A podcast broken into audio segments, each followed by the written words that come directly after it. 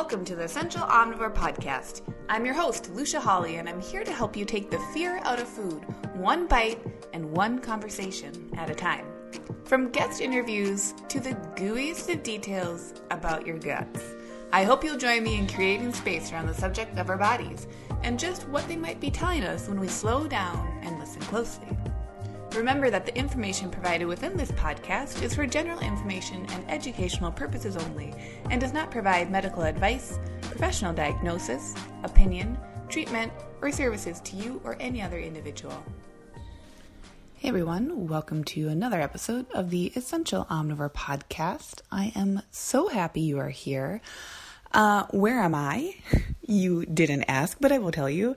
I am in Minnesota right now. I am recording this episode the day that I am releasing it, which I kind of give myself some crap around sometimes, but I like it because I really like to make these podcast episodes. I have a whole folder of different subjects, but at times that folder can feel a bit dry. And so I really like to, as much as possible between guest episodes when I'm just talking by myself, I really like to have these episodes feel more current based on what I'm thinking about or what I'm noticing in trends in the world, in diet culture, in headlines, in news, right? Last week, there was a lot of information going around about the new Weight Watchers app, um, dieting app for kids, Kurbo.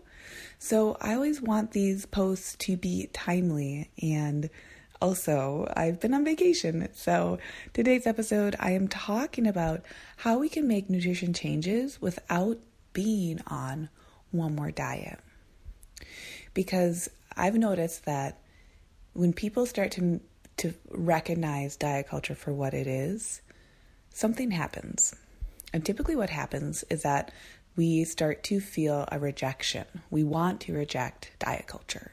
When our eyes have been opened to how diet culture perhaps has been affecting us and our choices and how we feel in our lives, we can say, hey, wait, I didn't actually choose that. So now I reject it and I'm going to go seek out things, actions, experiences, ways of being that I do choose. We want to feel more autonomy around that choice. And by and large, when that autonomy is happening, there is a rejection of the old. And in that this case, it's diet culture.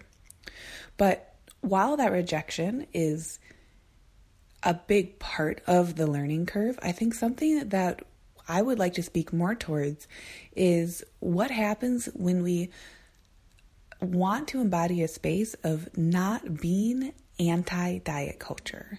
Because I think, and I, you know, I think this is spoken about in relationships or in boundary setting oftentimes, but I think if there is a hyper focus and anger, and there's a place for anger, so don't don't confuse this with you know emotional bypassing here, but if we are really claiming that we are so mad and anti diet culture, there is a focus that I think also begins to feel, unfortunately, and perhaps ironically, feels like it is as it feels like it's going down the road of oppression that diet culture is also down. If we are so anti something, there is a hyper focus on that something by being so anti to that something. And to me, stepping away from diet culture means that we actually get to allow ourselves to experience some more freedom and liberation. So, if I really step back and do some of that kind of gunkier, messier, murkier work, I notice over time that we really do, we really do have to embrace diet culture either from a place of neutrality or from a place of saying, how do I understand how this fit into my life and how do I choose for it to fall away from my life? Perhaps without that intense hyper focus of aggression or anger. And now, if anyone is listening to this and they're saying, yeah, but Lucia, like, don't, I don't want to feel like my anger isn't valid because diet culture tells me that, right? How often are we told as women identifying people that are we're not allowed to be angry. So there's nuance here as well where it's really saying in the short term to me as Lucia the podcast host in the short term anger is a calling card and it's going to be helping us to take action. But in the long term, that same anger, similar to a diet, that same anger can start to lose its power in terms of what it's allowing us to do and where it's allowing us to grow. And instead, it becomes a cycle where we are getting stuck. We keep returning to that cycle, perhaps unknowingly. So, this conversation is nuanced, but what I want to be talking about then is how do we, when we're in this gray area around dieting and diet culture, or we don't feel pro diet culture, but we maybe don't want to step fully into anti diet culture rhetoric, how do we make nutrition changes without being on one more diet? So, my quickie answer for this is that if we are in this space where we want to make a nutrition change, let's say that you're recognizing that your stomach maybe isn't feeling that great after enough handfuls of meals that you recognize you want to make a change. Or let's say that you're noticing that when you made nutrition changes 10 years ago, you experienced XYZ and quite frankly, you're kind of curious if you could experience XYZ again or some similar relief of symptoms or change in your daily experience. So, the first question then is when you are going to make a nutrition choice or change, can you ask yourself, what place is this coming from? Because so often, changes in our nutrition routines, in our dieting plans, whether we're on a diet or not, so often when we're making those choices, they're actually steeped in shame and guilt, pain, or deprivation. So I think at the very least, if we can offer ourselves, doesn't have to be like a day long decision. you don't have to take a day off of work to like have the emotional space to be thinking about this. But we can ask ourselves hey, if I'm about to make this change or try out this new style of eating or do something that's more intensive or just one small tweak to my daily life, can I first ask myself, from where is this place? Where is this choice coming from? Let me give you an example. So, when I listed out shame, guilt, and pain, I also included deprivation in there. And deprivation needs its own podcast episode needs its own podcast episode soon because it's a really fascinating experience to be talking about. For deprivation, the same action, well, really for any of them, but we'll stick with deprivation for now. The same action that could feel so depriving for one person could be incredibly liberating for another person. And something that felt depriving for you potentially five years ago could be incredib- incredibly life giving today. The example that I really like to use is eating a salad. when you were a kid, maybe the last thing you wanted to do was eat that salad. You could care less about it. Then you went on a diet. Let's say you went on your first diet and you were a late teenager. And the diet really emphasized eating a lot of salads, but without the salad dressing, right? A lot of dry salads. So you had your experience of not liking salads when you were a younger kid, and then having this goal that you're being told a salad will get you to, and the goal was the diet or the result from the diet. And you ate the salads, and maybe those salads brought you closer to that goal, so you felt excitement towards salads or something changed. Even if you didn't like the experience of eating the salads still.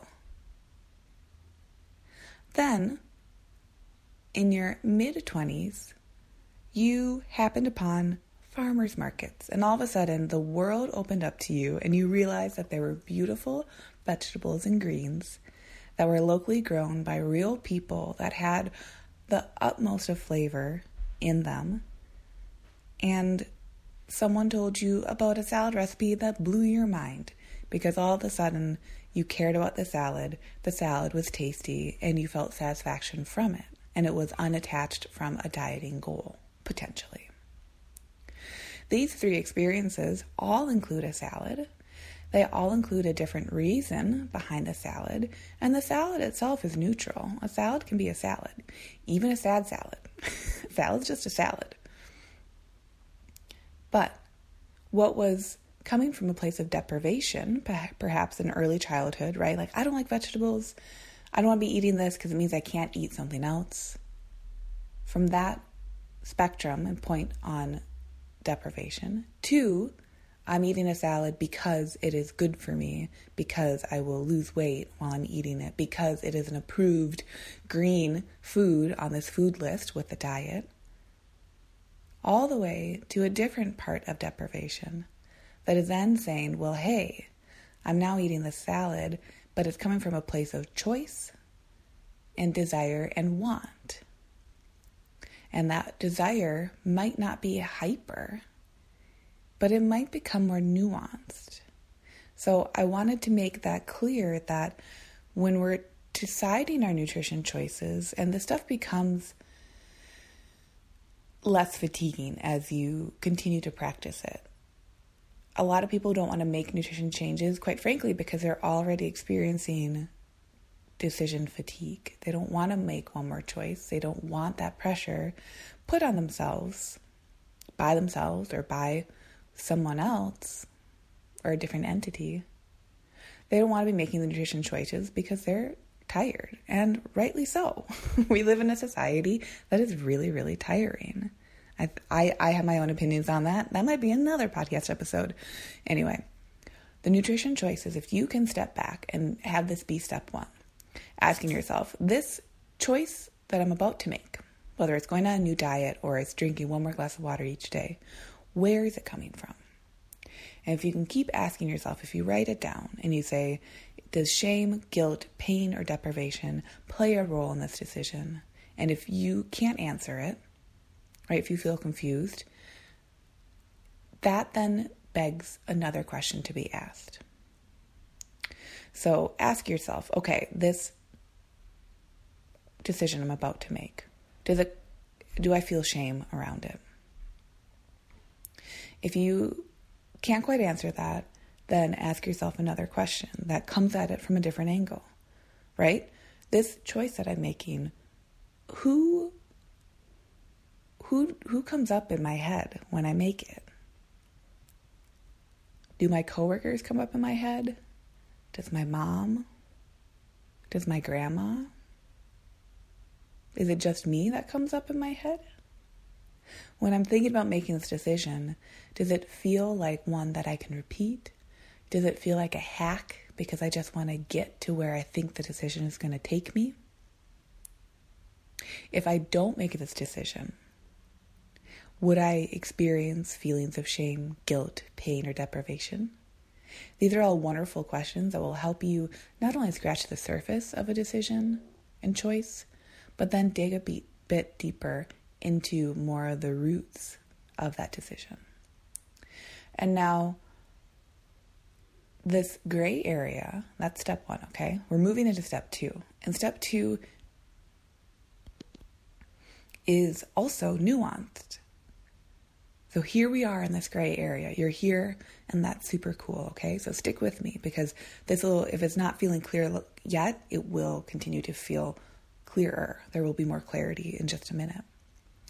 So now I keep saying these four words shame, guilt, pain, deprivation. And now I'm saying, okay, if you want to make a nutrition choice, identify where it's coming from. And I think anti diet culture would say if there's shame, guilt, pain or, pain, or deprivation, don't make that decision. And that's a great place to play in and to be in. Make some choices that aren't rooted in shame. Because maybe that is liberating in and of itself because you haven't allowed that for yourself before because you didn't know. And it's part of that learning and education. But to be non non diet culture and to be non diet culture and to be in this gray area, any of those four words shame, guilt, pain, and deprivation to be standing firmly in a camp of your own and in liberation and autonomy, we have to have the recognition that you do have the right to experience those feelings. Yes, you heard that right. You have the right to feel shame or guilt or pain or deprivation. And this is where I think that anti dieting rhetoric that is held to extremely over the long term misses it a little bit. Because the liberation that comes from dissolving shame, dissolving guilt, dissolving pain and deprivation is because we recognize that we have the ability, we have the autonomy to decide how we want to feel. And if we follow that line of thinking, then the more expansive view of dieting and nutrition choices and changes, etc., actually has to embrace and has to make space for the fact that you have every right to feel shame if you want. If you want to feel guilty about your food choices, if you want to make a choice every single day that is always going to make you feel guilty, you actually have the right to, and no one else can tell you that you do or don't have that right. And if you are being told that you should or shouldn't feel shame, or you should or shouldn't feel guilt, you should or shouldn't feel pain, you should or shouldn't feel deprivation, to me, that is a facet of dieting culture. And whether it labels itself as anti dieting or pro dieting or it doesn't even claim a label, it is still in the business of telling someone what to do with themselves. And that for me is a really hard pill to swallow. So that's the second part of how to make a nutrition change without being on one more diet is first identifying the feelings that are impacting that change and really assessing is there shame, guilt, pain, depri- deprivation, or something else?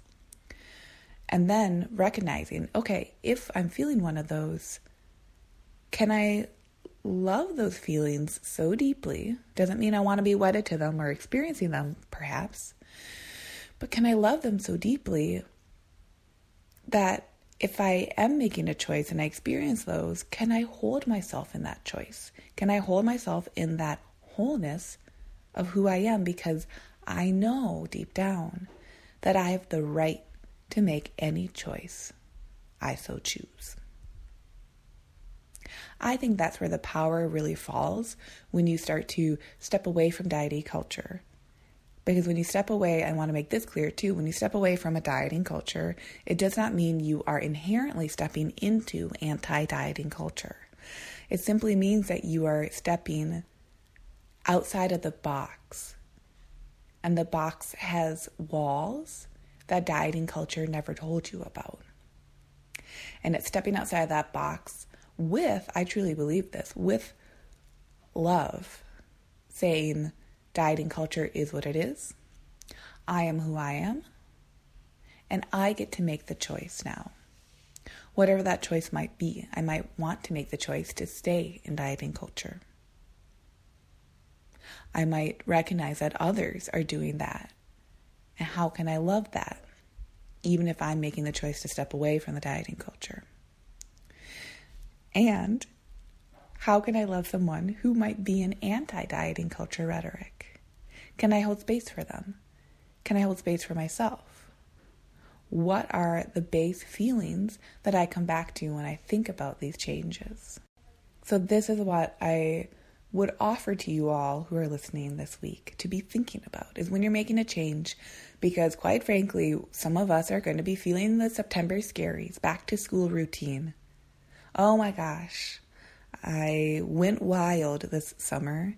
I got to straighten up, buckle up, settle down for September, for the fall, be good.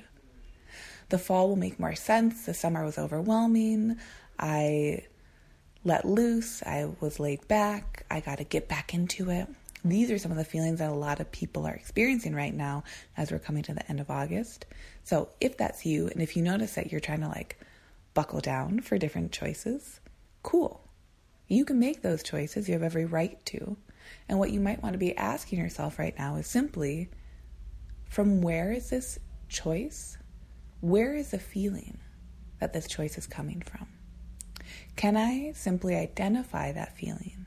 And then from there, if I so choose, can I decide because I know that I have the right to experience any feeling I want?